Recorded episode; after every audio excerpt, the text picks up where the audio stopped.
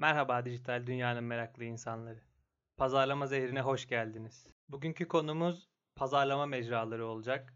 Hangi mecralarda hedef kitlenin karşısına nasıl çıkılır bunlardan bahsedeceğim biraz.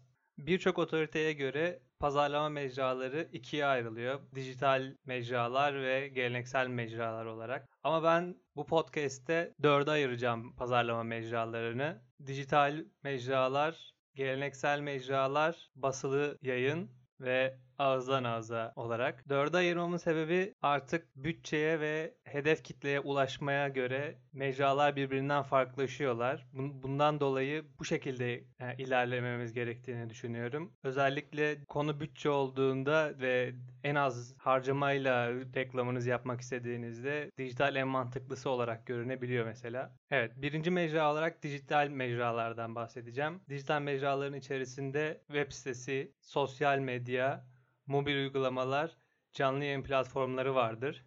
Ben bunların içerisine bir de oyunları katıyorum. Artık günümüzde oyunların içerisine de reklamlar eklenebiliyor. Geleneksel mecralara geldiğimizde aslında basılı yayın da geleneksel mecralara katılabilir ama bunu birazcık e, dijitale yakın olduğu için sadece televizyon ve radyo olarak değerlendirdim ben. Televizyon reklamları bu mecraların içerisindedir. Aynı şekilde televizyon dizilerinin ve filmlerinin içerisine yerleştirilen ürün yerleştirme reklamları da benim için bu kategoriye giriyor. Bunların yanında bir de radyo reklamları var. Radyo reklamları da geleneksel ama hala günümüzde etkin olarak kullanılan reklam mecralarından birisi. Basılı yayına geldiğimizde ise ilk başta zaten akla gazete ve dergiler geliyor. Belki basılıya eklenmiyordur ama ben daha fazla madde oluşturmamak için outdoor reklamlarını da dışarıda gördüğümüz reklamları da basılı yayına ekliyorum. Ve son olarak da ağızdan ağza. Bu aslında tam olarak bir reklam mecrası değil ama ürününüzü yeterince iyi geliştirdiğinizde ve doğru kişilerin deneyimlemesini sağladığınızda bu kişiler de etraflarına bahsettiğinde bu da bir reklam çeşidi olmuş oluyor. Ki bununla ilgili e, örnekte vereceğim ağızdan ağza reklamdan bahsederken. Reklam mecraları için her zaman olduğu gibi yine her şey hedef kitleyle başlıyor. Hedef kitle nereye bakıyorsa, sizin hedef kitleniz nereye bakıyorsa siz de markanızı, ürünlerinizi orada gösteriyor olmanız gerekiyor. Orada bulunmanız gerekiyor ki hedef kitlenizin sizden haberdar olmasını sağlayabilirsiniz. Mesela günümüzde artık herkes sosyal medyayı kullanıyor ama sosyal medya da kendi içinde farklı farklı kategorilere ayrılmış durumda. Genç nesil olarak adlandırılabil adlandırabileceğimiz kesim Artık TikTok gibi uygulamalar da kullanıyorlar. Eğer profesyonel olarak bir mesela B2B iş yapıyorsanız o zaman hedef kitlenizi LinkedIn'de arayabilirsiniz. Veya tasarım ve göze hitap eden ürünleri ya da hizmetleri pazarlıyorsanız o zaman da markanızı Pinterest'te konumlandırabilirsiniz. Sosyal medyayı kullanırken genel olarak markaların amacı içerikler üreterek marka bilinirliği yaratmaktır ve yine bu içeriklerle hedef kitlesine ulaşmak, bu hedef kitleyle bağ kurmaktır. Eğer bu bağı sağlıklı bir şekilde kurabilirse hedef kitlesini harekete geçirici unsurları da devreye sokabiliyor. Mesela web sitesine yönlendirebiliyor ya da direkt aramalar alabiliyor, direkt mesaj alabiliyor sosyal medya üzerinden. Bu şekilde satışa yönelebiliyor. Sosyal medyanın bir diğer tarafı da özellikle son zamanlarda hepimizin ilgisini çeken influencerların kullanılması. Influencerları kullanarak marka bilinirliğini artırabiliyorsunuz. Hatta hepimiz biraz bıkmış olsak da Trendyol'un kampanyasında gördüğümüz gibi influencerları kullanarak direkt ürün satmaya yönlendiriyor hedef kitlesini. Bu şekilde hem marka bilinirliğini artırabiliyorsunuz hem de ürün ya da hizmetinizi satabiliyorsunuz. Önceki podcastlerimde de bahsetmiştim. Eğer bir markanız varsa ve bu markayı hedef kitlenize tanıtmak, ürünlerinizi satmak istiyorsanız bir web sitenizin olması gerekiyor.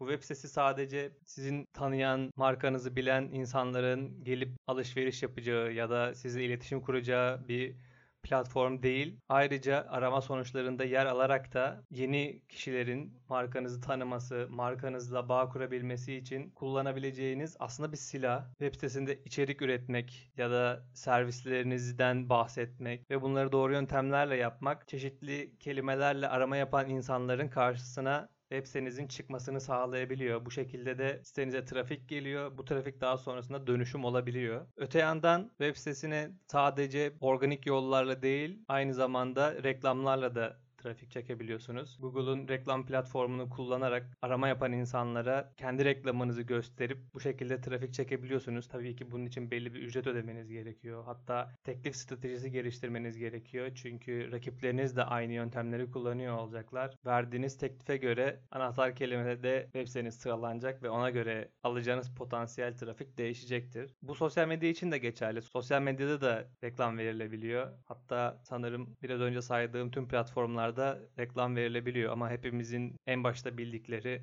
Facebook, Instagram, Twitter ya da LinkedIn'dir. Bir diğer mecra ise mobil uygulamalar. Mobil uygulamalar daha çok markanızı bilen ve çoktan bağ kurmuş kişilere çeşitli avantajlar sunmak ya da kolaylıklar sağlamak için kullanılan bir mecradır. Çünkü mobil uygulama bildiğiniz gibi telefonlara yükleniyor ve telefon na indirmek için kişilerin markanızı tanıyor olması gerekiyor ve telefonunda belli bir yer kaplayacak bir uygulamayı indirmesi için marka ile yeterince bağ kurmuş olması gerekiyor. Bu sebeple zaten mobil uygulamayı indiren kişiler her zaman sizden alışveriş yapma potansiyeline sahip olacak olan kişiler olarak nitelendirilebilir. Benim en çok sevdiğim iki dijital platform ise canlı yayın platformları ve oyun platformları. Çünkü bunlar reklam dünyasına yeni bir bakış açısı getirebilecek platformlar. Özellikle oyunlar. Oyunlardan da bahsedeceğim birazdan. Canlı yayın platformlarında şu ana kadar çok fazla reklam faaliyetleri görmedik. Belli markalar var. Benim gözüme çarpan bir tek yemek sepeti vardı şu ana kadar. Bir de tabii ki de oyuncular için ürün satan markaları görüyorum. Canlı yayın platformlarında genelde ürün yerleştirme yapılıyor. Aynı televizyon dizilerine yapıldığı gibi. Ürün yerleştirme ile markanız hakkında hedef kitlenizin bilgi sahibi olmasını sağlayabiliyorsunuz. Tabii ki yayıncı seçme gibi bir avantajı oluyor televizyonların aksine. Kendi yayıncınızı seçip onunla özel anlaşmalar yapıp ve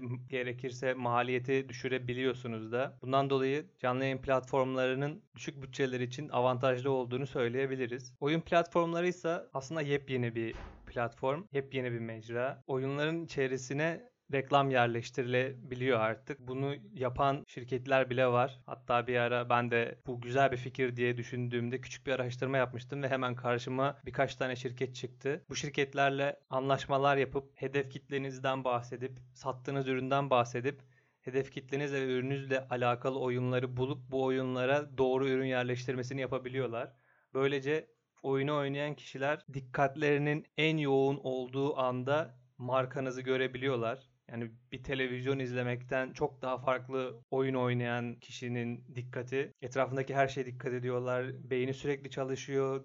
Tüm vücudu hareket halinde ve dikkati en yüksek andayken markayı görüyor. Zaten PUBG gibi oyunu oynayanlar da fark etmiştir. Yani duvardaki bir yazıya bile bakıyor insan ya da işte en ufak ayrıntıları incelemeye çalışıyor. Sürekli merakla oyunun içerisinde hareket ediyor ama televizyonda birazcık daha farklı bir durum. Yani televizyon açık durur. Sen hayatına devam edersin. Instagram'da takılırsın.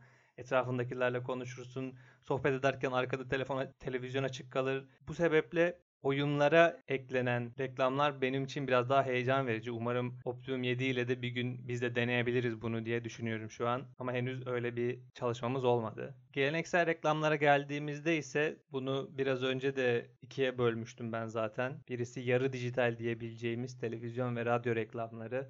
Diğeri ise basın yayın organları ve outdoor. Televizyon reklamları hakkında açıkçası çok fazla bilgim yok. Bu konuyla çok ilgilenmedim. Ama sadece şunu biliyorum ki yüksek bütçelerle çok geniş kitlelere hitap etmek istediğinizde bu yönteme başvurursunuz ve başarı oranını ancak size ürünlerini satıldığında görürsünüz. Zaten genelde dijital dünyadaki insanların eleştirdikleri konulardan biridir bu. Dijitalde hedef kitlenizin yaptığı her hareketi, ürünlerinizin ya da içeriklerinizin tüm aktivitelerini inceleyebiliyorsunuz eğer sizin sitenizdeki ürün, aktif olarak sattığınız bir ürün bin kere görüntülenmişse bundan haberiniz oluyor. Ya da işte en popüler sayfanız, dönüşüm aldığınız sayfanız 100 kere görüntülendiğinde bir dönüşüm alıyorsa bu dönüşümün %1 olduğunu görüntü anlayabiliyorsunuz. Ama televizyon reklamları biraz daha farklı.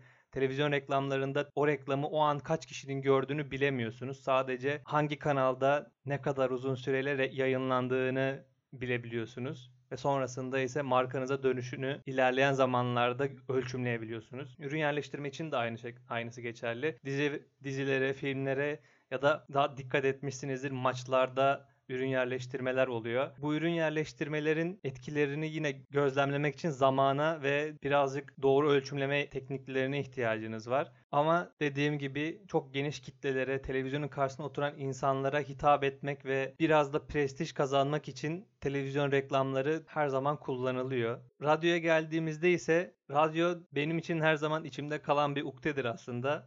Çünkü hep denemek istemişimdir. Radyoya bir reklam verip karşılığında nasıl bir geri dönüş alınacağını. Çünkü hem televizyon kadar yüksek bütçelere ihtiyaç yok hem de sadece sesle ve metinle hedef kitlenizi harekete geçirebilme becerisi biraz challenge olarak görünüyor bana. Bunu doğru şekilde yapabilirseniz bir dönüşüm elde edebilirsiniz ama radyo dinleyen insanlar televizyondan da daha az dikkate sahip oluyorlar. Özellikle radyo dinleyen insanların çoğunun araba kullanırken dinlediğini ve bir kısmının da evde yemek yaparken ses olsun diye açık bıraktığını düşünürsek bayağı düşük bir ihtimalmiş gibi geliyor. Yine de dediğim gibi bu bir challenge ve televizyon reklamları kadar pahalı bir bütçeye ihtiyaç duymuyor. Bir diğer geleneksel mecra olarak basılı yayın organları benim için genelde prestij ifade ediyor. Yani bir gazeteye reklam verdiğinizde gazeteden dönüş almanın artık ne kadar düşük olduğunu ölçemeyeceğimiz gibi televizyon, radyo ya da dijital reklamlara kıyasla çok daha düşük olabileceğini tahmin edebiliyorum. Gazeteye verilen reklamların sadece ve sadece marka bilinirliği için verilebileceğini düşünüyorum ki gazete okuyan insanların gün geçtikçe azaldığını düşünürsek bu da ne kadar faydalı olur bilemiyorum. Ama şöyle düşündüğümüzde eğer yerel bir markaysanız ve yerel bir pazarınız varsa da yerel hedef kitleniz varsa gazeteler ve dergileri kullanmak mantıklı geliyor bana açıkçası. Özellikle bazı dergileri belirli hedef kitleler alıyor doğru hedef kitleye ulaşma konusunda mantıklı bir adım olabilir. Ama dediğim gibi çok dar bir hedef kitleye hitap ettiğinizi unutmamak gerekiyor. Bu sebeple prestij belki ego tatmini olarak kullanılabilir. Son olarak bahsedeceğim geleneksel mecra ise outdoor yani sokaklarda gördüğümüz billboardlar. Billboardlara yerleştirilen reklamları hepimiz görüyoruzdur ve doğru şekilde kullanıldığında etkili olduğunu düşünüyorum ben. Ve marka bilinirliğine de katkısı var bence. Ama onların da bütçelerinin çok düşük olmadığını biliyorum. Yani yeterince bütçesi olmayan ya da yeterince iddiası olmayan bir markanın bu reklamları verebilme ihtimalleri neredeyse yok kadar az gibi görünüyor. Özellikle yeni bir markanın çıkıp da billboardla reklam verebilmesi pek mümkün görünmüyor. Ama yeni bir markanın adından ve ürünlerinden söz ettirerek ağızdan ağıza reklamı kullanabilmesi mümkündür. Bu benim son maddem oluyor zaten. Yani öyle bir ürününüz, öyle bir markanız olsun ki etraftakiler avantajlarından kendi çevresine bahsetmek istesinler. Şahsen benim en yakın arkadaşlarımdan birisi beni zorla emparalı yaptı diyebilirim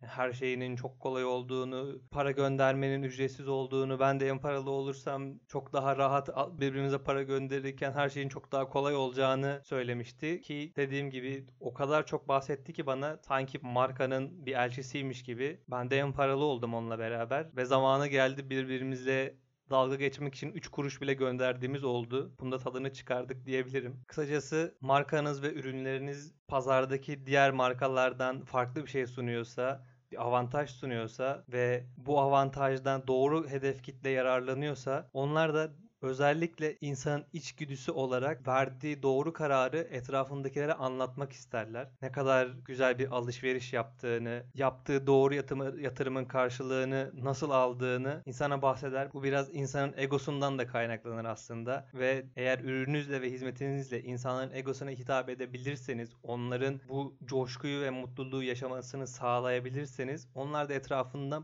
bunlardan bahsederler, bu üründen, bu başarılarından bahsederler ve böylece markanızın en iyi pazarlama şeklini kendiliğinden ortaya çıkarmış olursunuz. Çünkü kendisinin avantajlarından, üstünlüklerinden, başarılarından bahseden birisine nazaran başkalarının bu kişinin başarılarını anlatması çok daha etkileyici oluyor insanlar için. Bunu yapabildiğiniz takdirde hedef kitlenizi harekete geçirmek çok daha kolay olacaktır. Eğer sizin de bir markanız varsa ve ürün ya da hizmet pazarlamaya çalışıyorsanız benim en büyük önerim her zaman şu oluyor Pazarı iyi analiz edin. Rakiplerinizin eksiklerinin neler olduğunu bulun. Markanızla bu eksikleri tamamlayabildiğinizi hedef kitlenize gösterin ve en iyi bu özelliğinizi pazarlayın ki zaten onların yaptıklarının üstüne katabildiğiniz mesajını verebilin. Sanırım bu haftaki önerim bu olacak. Önümüzdeki hafta tekrar görüşmek üzere. Hoşçakalın.